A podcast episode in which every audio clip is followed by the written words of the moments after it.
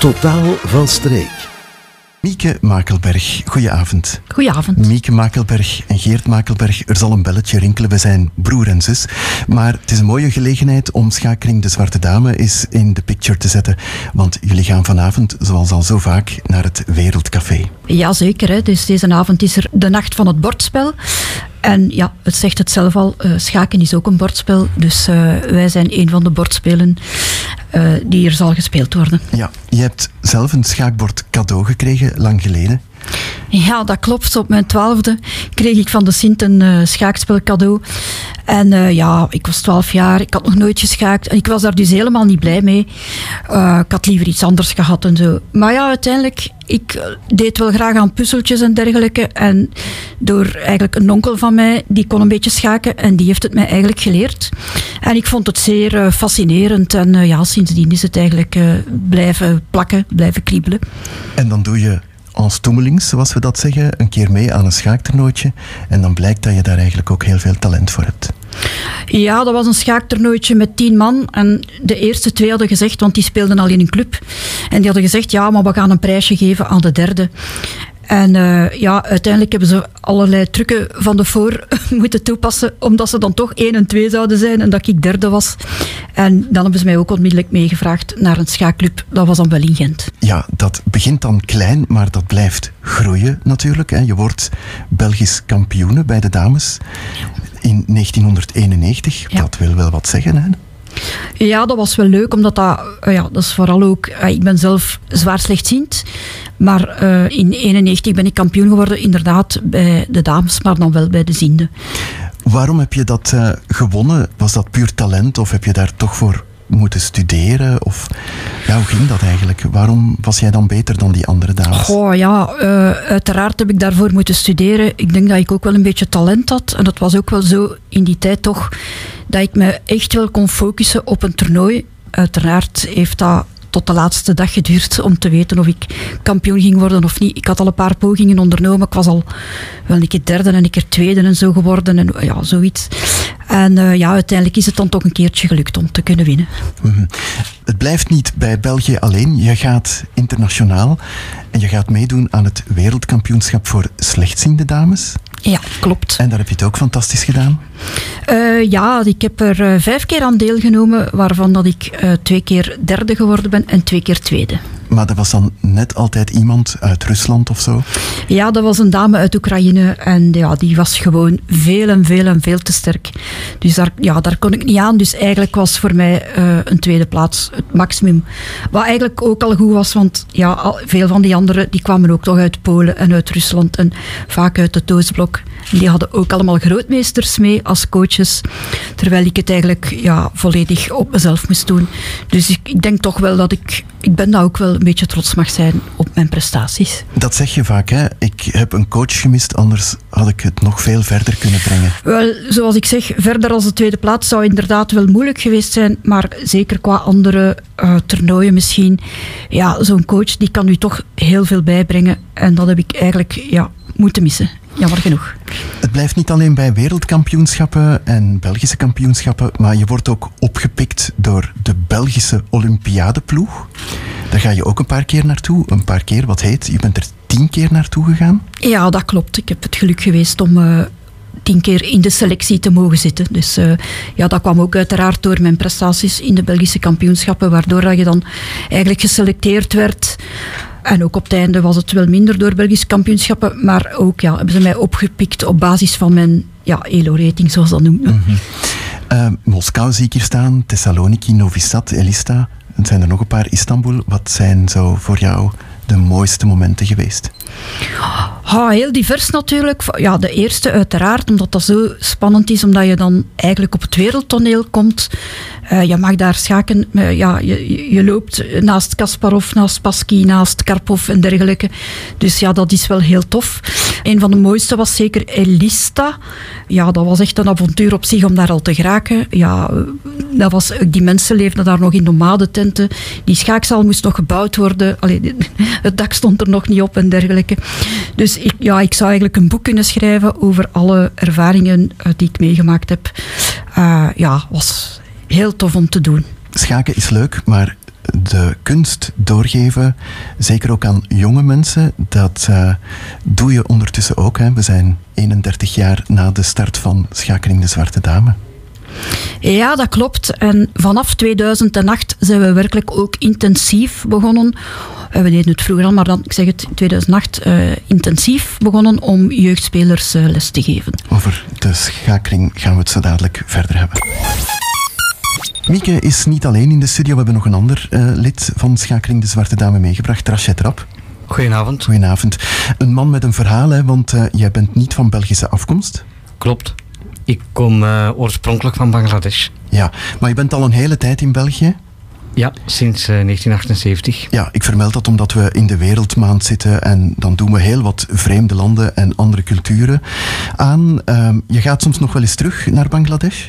Dat klopt, uh, één keer per jaar. Ja, en dat staat voor de deur, hè? waarschijnlijk weer op het einde van, ja. van dit jaar. Ga je ja. terugkijken er naar uit? Uh, altijd. Uh, dan zie ik ook heel veel familie terug. En mijn eigen moeder en zo, dat is altijd wel leuk. Mm -hmm. Je bent ook lid van de Zwarte Dame. Hoe ben je daarbij geraakt? langs een kameraad die mij vertelde dat Mieke en, en jij een, een schaakclub hadden in Halle. En ik schaakte vroeger ook in school en hij vroeg mij, heb je geen zin om mee te komen? En toen ben ik eens meegekomen en ja, de sfeer beviel mij. Uh, en ik zag daar ook vroeger andere kameraden terug van school en ja, dan ben ik maar blijven hangen. En hoe heb jij leren schaken? Uh, dat was ook in school zelf uh, dat ik leren schaken heb. maar het is al wel heel lang geleden. Dat, toen werd er een toernooi ingericht en daar heb ik dan een keer eens aan deelgenomen en uh, ja, toen heb ik gaandeweg leren schaken. Mm, en hoe is het schaakniveau? Bij mij eigenlijk uh, niet zo hoog, maar ja, mijn doel is nooit echt geweest om competitief te zijn. Ik kom vooral graag naar de schaakclub om eigenlijk mensen te ontmoeten, mensen tegen te komen. En om eigenlijk vooral ja, plezier te maken. Mm -hmm. Mieke, dat is een van de sterktes van de club, hè, dat het niveau, ja, ik zou bijna zeggen, van ondergeschikt belang is. In die zin, iedereen die een beetje kan schaken is welkom. Ja, uiteraard. Iedereen is bij ons welkom. Uh, van jong tot oud. Onze jongste speler is momenteel bijna zes. Hij wordt deze maand zes. En de oudste speler is 79. Dus je ziet, er is een heel ruim ledenaantal. En ja, ook, ik zou zeggen, uh, we zijn momenteel met 34 leden, waarvan dat er een achttiental jeugd is. Ja, en zoals je dus al zei, die jeugdwerking die is in 2008 opgestart. Dat vereist een aantal lesgevers. Is dat makkelijk om die te vinden? Nee, dat is niet zo heel makkelijk. Hè. Dus om eigenlijk een beetje les te kunnen geven, moet je toch ook wel van een bepaald niveau zijn. In die zin, wij geven les volgens ja, een, een gerenommeerde cursus die uit Nederland komt. Uh, met als mooie naam de stappenmethode. Uh, daar zijn zes stappen in. En ja, ik kan zeggen, als je die zes stappen doorlopen hebt, dan ben je een meer dan behoorlijke clubschaker. En natuurlijk, ja, die coaches, uh, afhankelijk van hun niveau, schakelen we ze in van stap per stap. -hmm. wat ik vaak hoor, is het woord huisschaker. En dat wil zeggen dat veel mensen eigenlijk op de een of andere manier wel in contact gekomen zijn met dit spel. Ja, dat is wel zo. Er zijn inderdaad heel veel mensen die op, zoals je het zegt, ja, thuis wel eens een spelletje geschaakt hebben. Of ja, wat dat nu ook veel mogelijk is, is gewoon het online schaken. Hè, wat, wat ook vooral tijdens de corona heel erg opgekomen is. Maar uiteraard, veel mensen hebben dan toch nog een beetje bang om als huisschaker de stap te zetten naar de club, omdat ze denken van oei, uh, dat zal misschien een, een stapje te hoog zijn uh, voor mij. Maar ja, dat is eigenlijk op zich helemaal geen probleem. Want zoals ik zeg, uh, bij ons ben je welkom vanaf beginner tot ja, gevorderde schaker. En je kan ook een beetje inlopen. Hè? Je kan het eens een paar keer komen proberen. Ja, inderdaad. Dus je mag een, een, een drie keer gratis komen proberen. Uh, om te kijken of het effectief wel iets is voor jou. Of, het ook, of je de sfeer en zo dergelijke leuk vindt in de club. En ja, na een tijdje vragen we dan wel lidgeld. En dat is eigenlijk uh, zeer laagdrempelig, zou ik zeggen. Want voor een jeugdspeler tot uh, 20 jaar vragen we 25 euro voor een jaar. En daar zit de cursus en alles inbegrepen. En voor de volwassenen is dat 35 euro per jaar. Waar en wanneer gaan jullie activiteiten door? Onze activiteiten gaan door in, het, uh, in de sociale campus. En dat is in de Kanaalbrugstraat 5D. Dat is niet zo heel ver van het zwembad. En onze clubnamiddag is op zaterdag tussen uh, 14 uur en 18 uur. En er is uiteraard ook een website. Er is zeker een website. www.schakeringdezwartedame.be En voor de gevorderde spelers is er zondag ook nog Interclub? Ja, dat klopt. Dus dat is een competitie die we, Interclub zegt het zelf al, die we met andere clubs uh, spelen. Uh, ja, dat is eigenlijk een, een, een Belgische organisatie. Uh, en dat bestaat uit vijf afdelingen. En wij nemen deel met twee ploegen. Um, er worden elf ronden gespeeld op een jaar. En we hebben een team momenteel in vierde afdeling en een team in vijfde afdeling. Dat trouwens aan de staat dit jaar. Dus de twee ploegen, ook die in vierde, doen het goed? Ja, dit jaar zijn we echt uh, heel goed bezig. We hebben een, een mooie start gehad. Uh, ook onze eerste ploeg, ons team in vierde, heeft het, uh, doet het goed met 4 op 6. want we zitten wel in een zware reeks toch. En ons tweede team, wat in vijfde speelt, ja, die doen het super. Hè. Die, die hebben hun drie matchen gewonnen. en met, met superscores eigenlijk. Dus ja, dat is ook leuk voor, voor hun. we laten ook wel iedereen een beetje spelen. Zeker in ons tweede team proberen we ook zoveel mogelijk jeugdspelers uh, aan bod te laten komen, zodat zij ook op een iets hoger niveau dan ervaring kunnen opdoen. -hmm. Maar eerst vanavond in het Wereldcafé in de Oude Post, Rashid, uh, probeer de mensen eens te overtuigen om daar naartoe te komen. Waarom zouden zij een bezoekje moeten brengen aan Schakering de Zwarte Dame?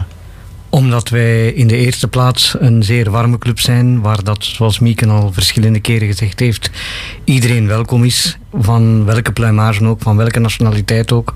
Iedereen is welkom. En uh, welk niveau je ook hebt, uh, je bent welkom en we zullen je helpen om dat niveau een beetje omhoog te krikken. Veel meer kan ik daar niet aan toevoegen. Mieke, Rashid, hartelijk bedankt voor dit gesprek. Dat is graag gedaan. Graag gedaan.